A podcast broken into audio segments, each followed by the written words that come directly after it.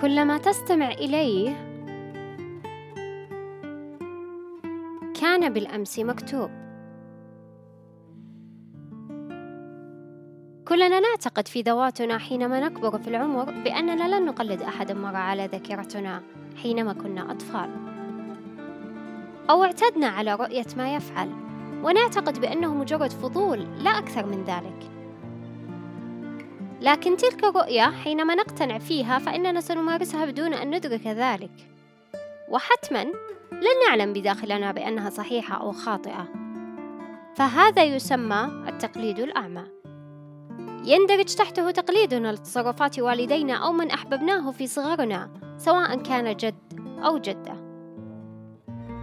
كانت روي حينما تطبخ تقوم بتقطيع أطراف اللحمة قبل أن تقوم بشويها في المقلاة. وحينما تود عمل هذا الطبق تقوم دائما بتكرار تلك العملية فكان زوجها يستنكر هذا التصرف. وفي ذلك اليوم سألها لماذا لا تقومين بطبخ اللحمة كاملة؟ فقالت أمي تقوم بذلك إذا أقدمت على طبخ اللحم. وحينما سألت روي أمها أجابتها قائلة بأن والدتها تقوم بهذا التصرف. وهاتفت روي جدتها لتسألها لماذا تفعلين ذلك؟